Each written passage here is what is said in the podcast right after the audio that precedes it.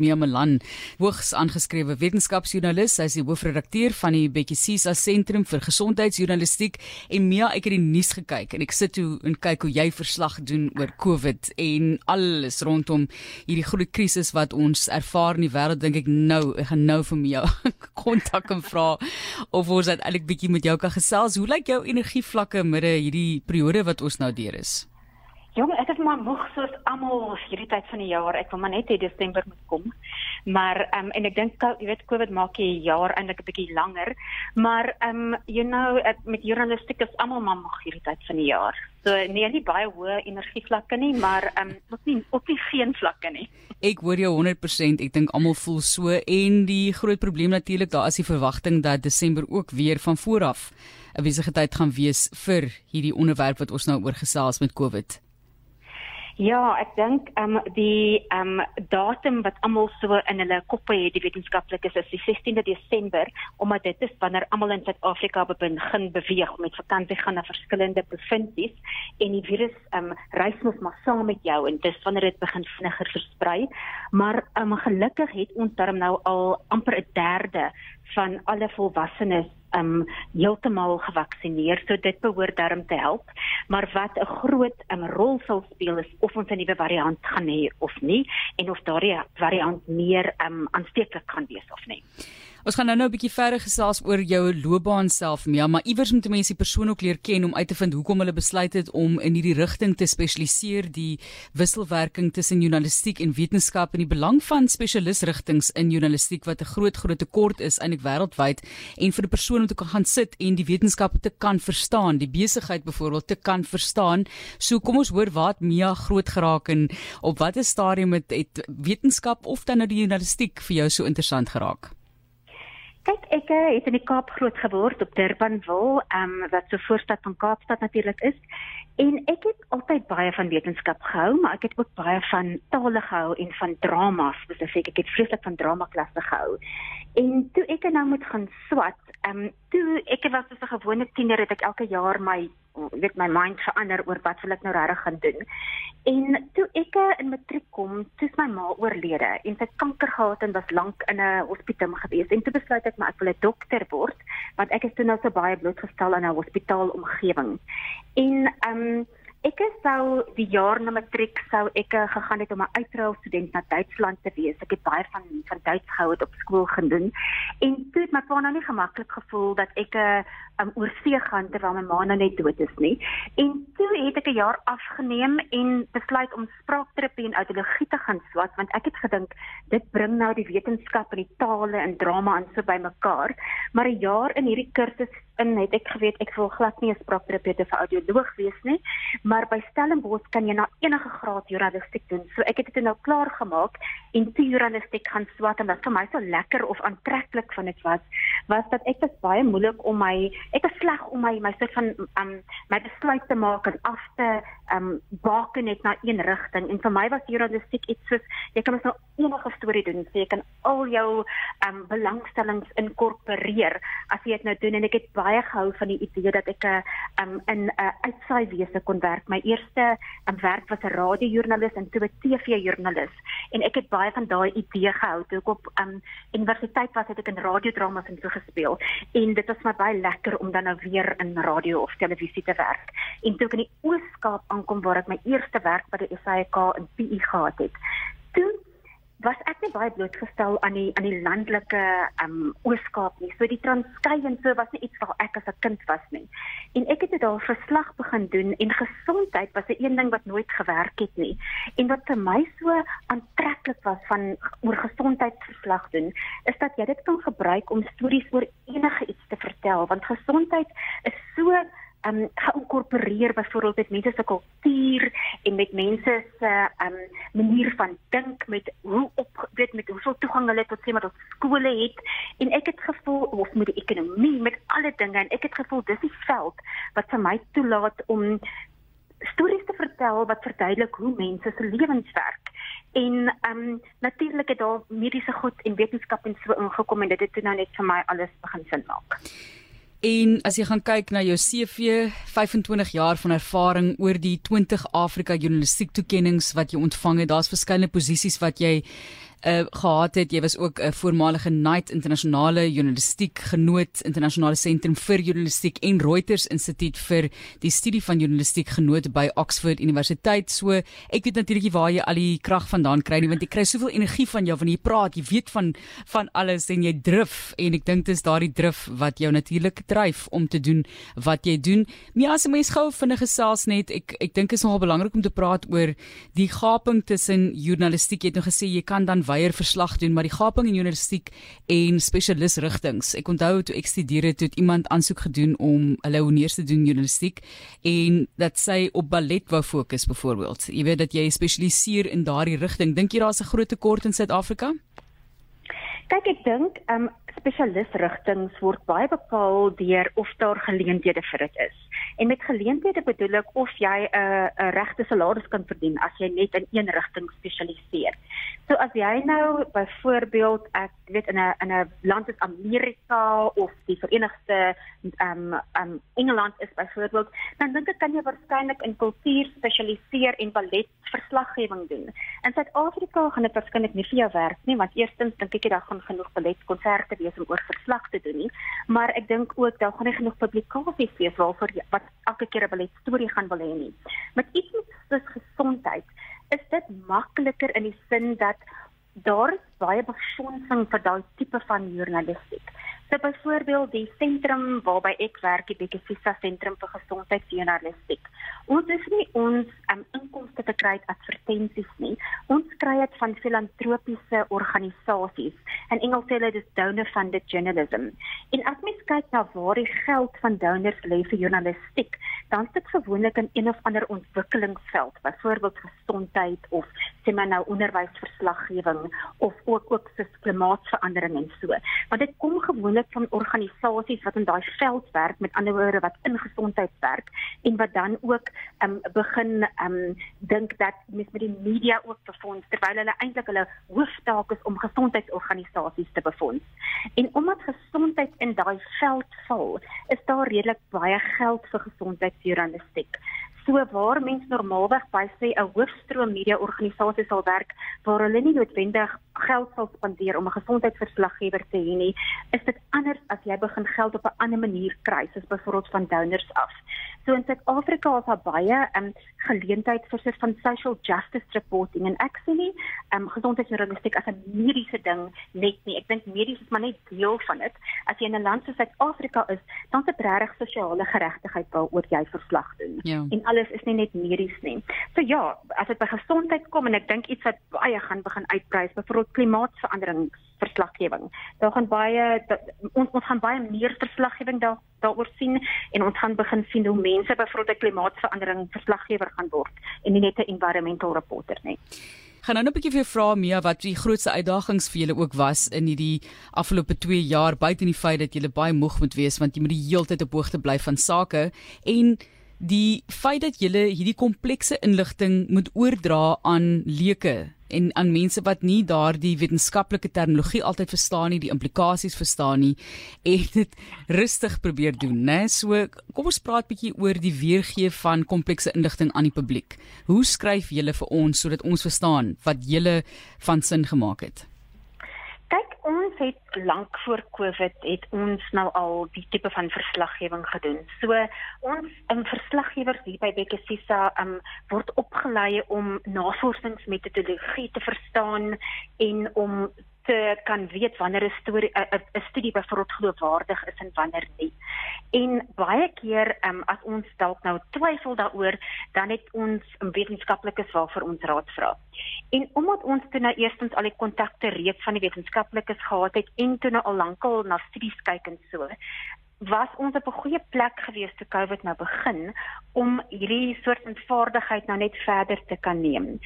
Ehm um, wanneer ons dink aan hoe om dit te doen te ons, toe ek met Bekesisa begin het, is die rede hoekom ek dit begin het om ehm um, studies te vat en dit in narratiewe journalistiek te gebruik. Met ander woorde, narratiewe journalistiek is is is, is journalistiek wat wat tegnieke gebruik wat mense wat romans skryf gebruik. So dit is amper soos 'n kort verhaal wat waar is. En dit was altyd vir my baie lekker om sê maar nou byvoorbeeld 'n verslag te doen, sê maar oor verkrachting op 'n sekere plek en dan nou studies te vat om te kyk hoekom dit nou gebeur en dan dit te inkorporeer met mense se stories en al daai tegnieke in te werk dat dit nou soos 'n verhaal op die ou en dit klink.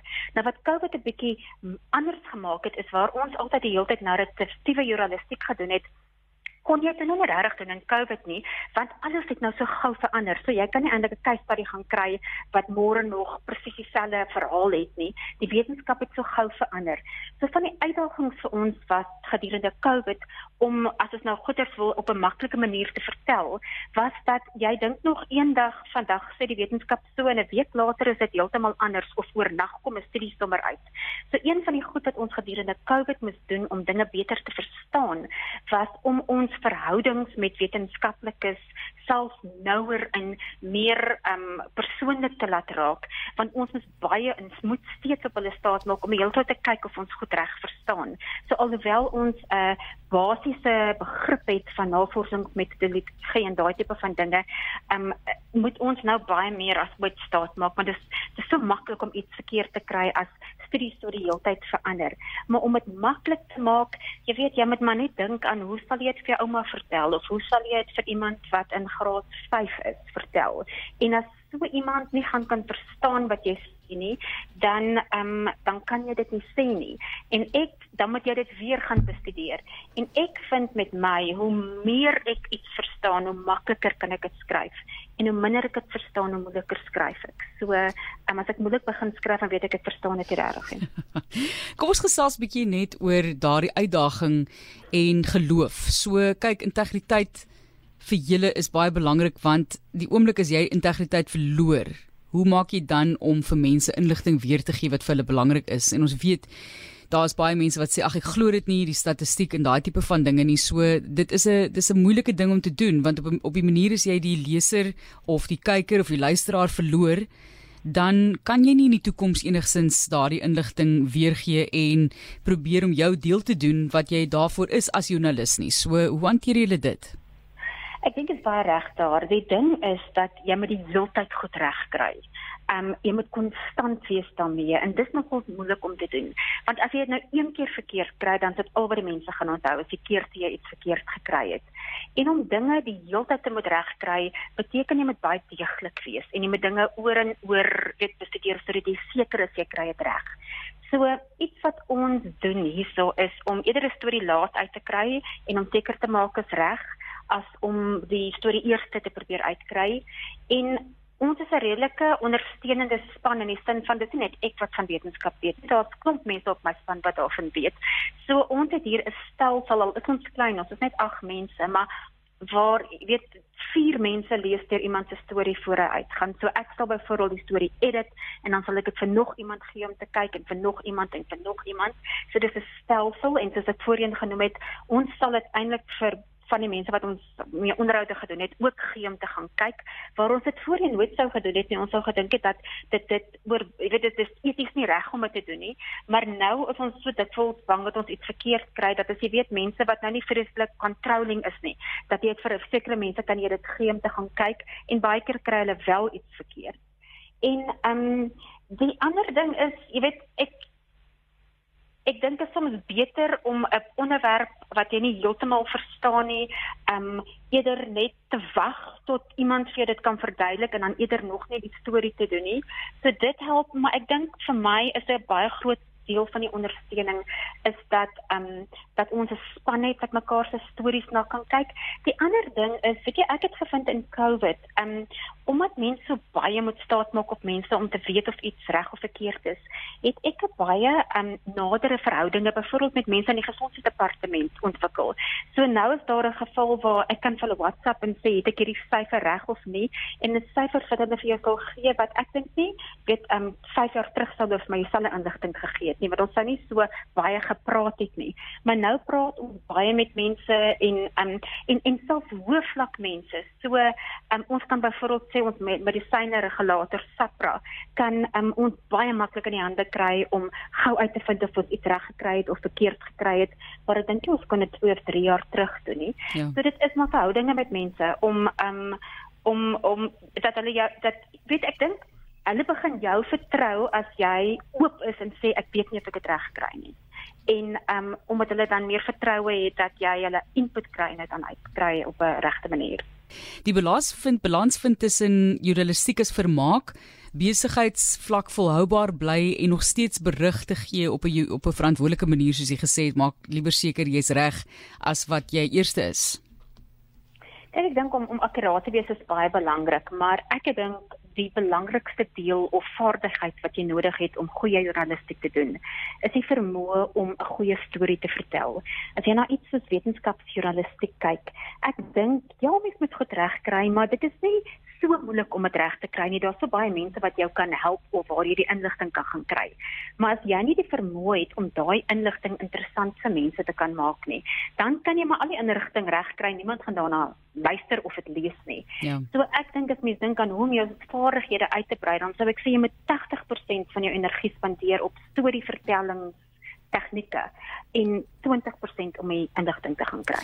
En daar kan jy 'n staaltjie of twee met ons deel oor jou interessantste ervaring as joernalis oor die wêreld in Washington ook byvoorbeeld waar jy gewerk het en ek weet nie dalk is dit 'n baie groot fout pa fout wat jy begaan het op 'n stadium in jou loopbaan. Ek lees op Facebook waar iemand gesê het deel bietjie die joernaliste die foute wat jy al gemaak het in die spelfoute en die feit dat hulle aankondig iemand is oorlede en is eintlik dan die ou eintlik springlewe lewendig.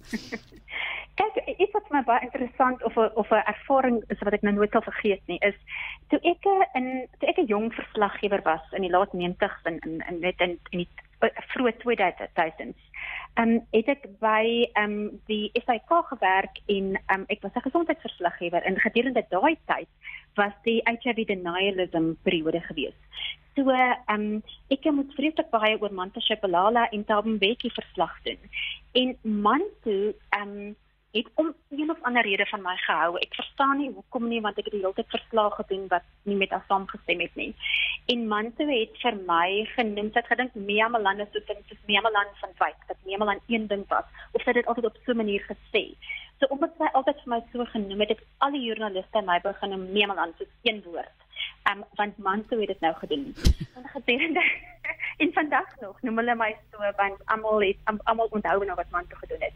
So dit was interessant geweest, maar dit was ook 'n baie baie um sien die tergende tyd geweest. Want gedurende daai jare het jy as jy 'n gesondheidsverslaggewer was, dan jy eintlik maar 'n vigsverslaggewer geword, want jy moet die hele tyd net oor oor die HIV denialism verslag gedoen het. Ja. En, maar wat wat 'n baie ware waardevolle les gedurende daai tyd was, was dat dis waar ek geleer het om wetenskap maklik te maak, want jy moet die hele tyd verduidelik hoekom het sy iets gesê wat verkeerd was en aktiviste vigsaktiviste in Suid-Afrika het eintlik maar regtig vir my geleer hoe om goed maklik te sê. En ehm um, dit het my ook baie van politiek geleer want jy kon nie oor vigs op daai stadium verslag doen as jy nie byvoorbeeld die ANC se politiek verstaan het en hoe dit interak met ander weet met met mense van die struggle en hoe daai dinge inge um, voel weet in daai argumente van byvoorbeeld um, gedurende daai tyd ek weet as jy byvoorbeeld nie met die wetenskap saamgestem het of met 'n bietjie saamgestem het nie dan kon iemand dalk gedink het um, jy's nie um, ondersteunend genoeg omdat jy saam byvoorbeeld in die struggle was nie. En dit het my 'n baie goeie begrip gegee en 'n grondslag gegee van hoe om oor gesondheid um hoe dinge in mekaar pas en hoe om dit beter te vertel vir mense na daai tyd in my lewe.